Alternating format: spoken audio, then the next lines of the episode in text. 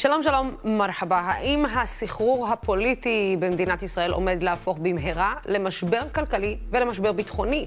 הזמנו הערב את אה, פרופסור מנואל טרכטנברג, כלכלן אה, ולשעבר יושב ראש ועדת טרכטנברג להורדת יוקר המחיה, והיום משמש כראש המכון למחקרי אה, ביטחון לאומי.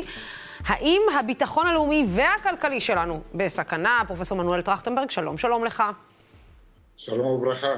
אז כן, בדיוק דיברנו קצת אה, לפני שהתחלנו, אמרנו שמהפעם האחרונה שדיברנו, איך, איך נגיד, אה, התהפכו היוצרות, או התהפכו, הידרדרו היוצרות, או השתנו היוצרות, כל אחד שייקח את, ה, את המילה שהוא רוצה.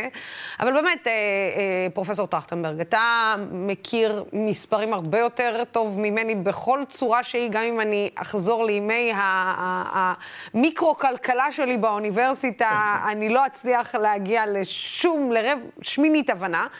ועדיין, תסביר לי בבקשה, פרופסור טרכטנברג, איך זה יכול להיות שעדיין בסביבת הממשלה דוחים את כל ההערכות של כלכלנים בכירים ביותר בעולם, כולל קרנות השקעה, כולל אה, אה, אה, אה, קרנות, אה, בנקים גדולים כאלו ואחרים, ודוחים אותם על הסף ואומרים, זאת היסטריה ועוד אלף דוחות לא ישנו את זה, כי בעצם מה שגורם להם להגיד את זה, זה בכלל המחאה וההיסטריה שנגרמת בעקבות המחאה, ולא בעצם הצעדים עצמם.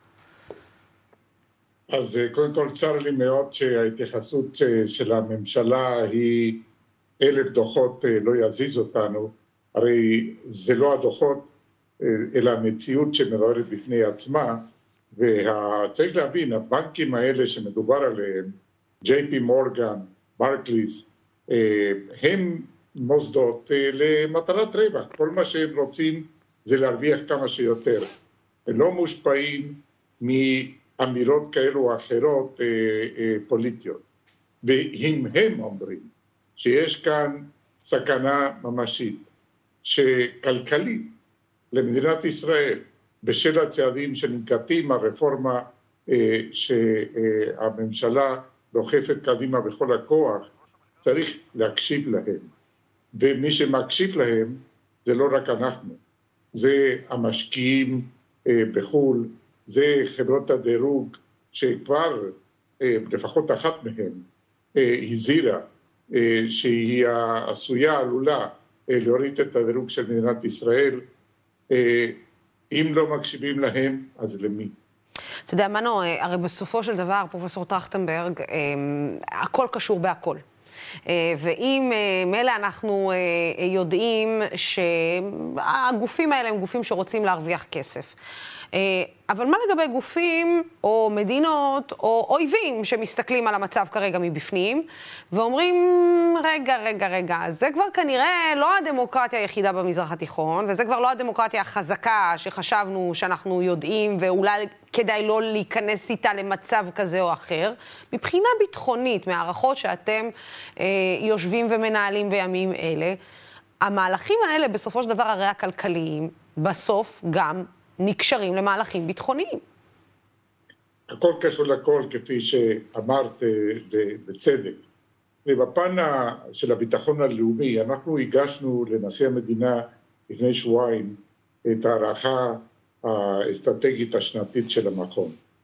ושם אנחנו ציינו שאחד מגורמי הסיכון המשמעותיים ביותר זה מה שקורה בתוך מדינת ישראל. הפילוג, השיסוע, הקיטוף הפוליטי הרי כולנו מבינים שכדי לעמוד אל מול הסיכונים הביטחוניים החיצוניים של מדינת ישראל, אנחנו צריכים להיות במחנה משותף. הרי אם אנחנו נלחמים זה בזה, נאבקים זה בזה, לא אי אפשר יהיה לשאת באתגר הביטחוני החיצוני. אז זה קודם כל ומעל לכל זה הסיכון הממשי ביותר. מול הסיכונים האחרים, איראן וכולי, סיכונים מאוד מאוד גדולים, אבל אם אנחנו מאוחדים, אנחנו יודעים אה, אה, להתמודד וגם להתגבר. אתה יודע, אה, אם אנחנו מסתכלים בעצם אה, גם על בריתות כאלו ואחרות, כמו הברית בינינו לבין ארצות הברית. אה, ברית שהיא לא רק, אה, בוא נגיד, ברית בין דמוקרטיות, אלא היא גם ברית אסטרטגית מאוד מאוד חשובה כאן, במיוחד במזרח התיכון הלא פשוט, ובשכונה הלא פשוטה שאנחנו חיים בה. כמה דבר כזה באמת יכול להשפיע גם על ה-benefit שאנחנו מקבלים מבריתות כאלה. ללא ספק, מה שנקרא היחסים המיוחדים של מדינת ישראל עם ארצות הברית זה נכס אסטרטגי ביטחוני ממדרגה ראשונה, בפרט אל מול איראן. ועל כן אנחנו צריכים לעשות כל מאמץ כדי לחזק את הקשר הזה, לחזק את הקשר עם הקהילות היהודיות שהן כשלעצמן משפיעות על עוצמת התמיכה של הממשל האמריקאי בנו. מה שקורה כיום זה שהיחסים המיוחדים האלה נמצאים במצב מאוד עדין, ראינו את זה כשמזכיר המדינה בלינקן הגיע לארץ, ובצד חריג מאוד, דיפלומט אמריקאי, שעומד לצידו של ראש הממשלה, הוא בעצם אמר, בפה מלא, הברית רואה בדאגה את הרפורמות המוצעות והוא דיבר על ערכים משותפים, ערכים דמוקרטיים ורמז שהערכים האלה נמצאים בסכנה כיום במדינת ישראל. תראו, אני, אני חושב שלא כולם מבינים עד כמה שהקשר האסטרטגי עם ארצות הברית הוא קריטי לביטחון של מדינת ישראל וכמה כמה יש לנו להפסיד אם אנחנו נתרחק מארצות הברית גם בפן הערכי, גם בפן של התפקוד הדמוקרטי אצלנו. פרופסור טרכטנברג, אני רוצה רגע להחזיר אותך אה, שנייה למחאת 2011. אה, אתה יודע, בסוף אה, יצאנו הפעם, הפעם האחרונה שיצאנו לרחובות במספרים כאלה, זאת הייתה על אה, מחאת אה, הדיור אה, ומחאת אה, יוקר המחיה. אה, בניגוד למה שנתניהו אמר ב-CNN. אה, בטח לא הייתה, כן, הסתיימה בוועדה בראשותך. והשאלה האם באמת היה בזמנו עם מי לדבר, והיה עם מי לנהל דיון על uh, מה ש... על בעצם, על, על, על הכלכלה הישראלית, על כך שהצעירים uh, לצורך העניין לא יכולים uh, לעמוד בנטל, פשרה בין הציבור לנתניהו. האם זה בן אדם שאפשר להגיע איתו לפשרה, כמו שהיום אומרים אה, בעניין ההפיכה, או, או המשטר, שינוי המשטר, אה, אנחנו רוצים להגיע. אה, לצורך העניין, לפשרה עם נתניהו. האם זה בכלל אפשרי להגיע לפשרה עם נתניהו? כן, תראי, קודם כל לגבי 2011, כן, הרי הייתה הידברות, היה קשב, הגשנו דוח, הממשלה אימצה את הדוח, וחלקים ניכרים ממנו באו לידי יישום, בפרט החינוך חינם לידי שלוש וארבע ועוד אה, צעדים אחרים שבינתיים נשכחו אבל ננקטו. זו הייתה מציאות אחרת לחלוטין. כיום זה לא מדובר רק בנתניהו, הממשלה הזאת שהיא מלכתחילה אה, אמרו אנחנו הם אמרו, אנחנו ממשלת ימין ימין על מלא, ובעצם באמירה הזאת זה אומר שכל היתר, המרכז, המרכז שמאל, כן, הוא מחוץ למסגרת, והם לא מוכנים כיום, לפי מה שהם אומרים, להידבר על אמת. הם אומרים, אתה יודע, מישהו, מישהו ירצה שיבוא לוועדת אה, אה, חוק ו, אה, חוקה, חוק ומשפט אה, בכנסת, ואולי נתייחס לזה, אבל יש סטופר ביד.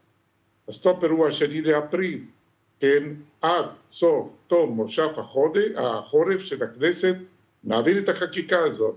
תראי, אני הייתי חבר כנסת, העברתי, אחד החוקים שהעברתי זה היה החוק להקמת המועצה לגיל הרך, אוקיי? נושא קטנצ'יק, כן, אל מול מה שקורה כיום.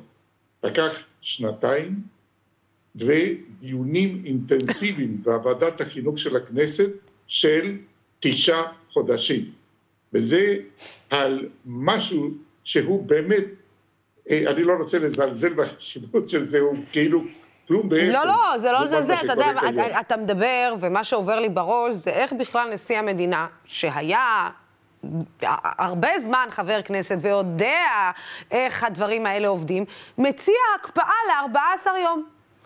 זאת אומרת, אני, אני מנסה להבין איך דבר כזה בכלל יכול לעבוד כשמדברים על שינוי משטרתי ו, והחלשה של מערכת המשפט בצורה כזאת דרסטית. מדברים על רגע שנייה, בוא ניקח פוס, כמו שאומרים הילדים במשחקים, כן. ל-14 יום.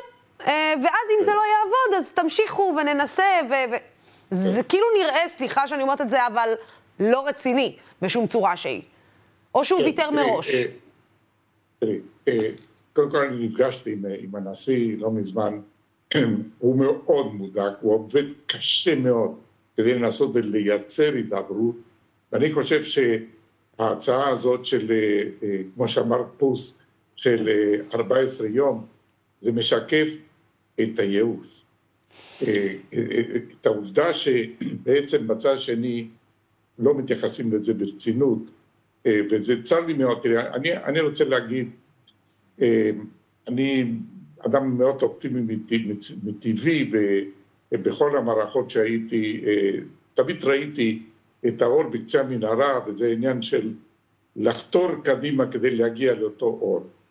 היום אני מתקשה לראות את האור, מכיוון שאני לא רואה מה כבר יכול לעצור את הרכבת הדוהרת הזאת.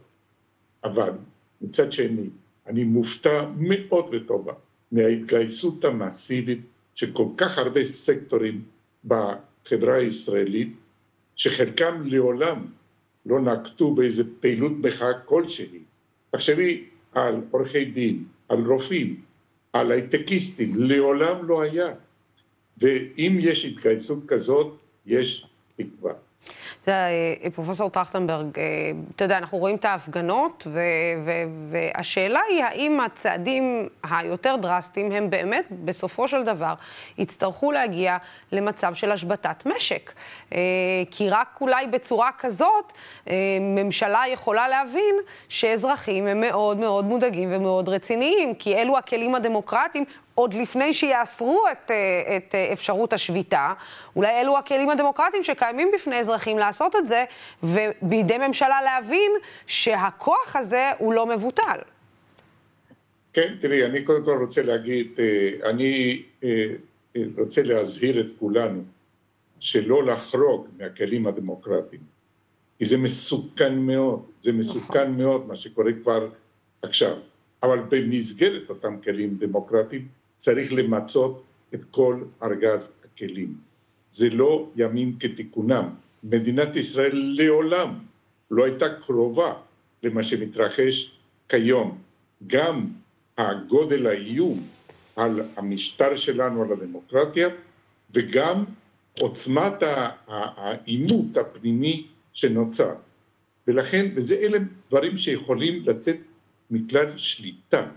ולכן מה שאני אומר, כל מי שמרגיש לא בנוח, מתנגד, מתנגד מאוד אה, אל מול הרפורמות האלו, צריך לעשות כל דבר שניתן במסגרת הכללים הדמוקרטיים וכמובן, כמובן, הלא אלימים.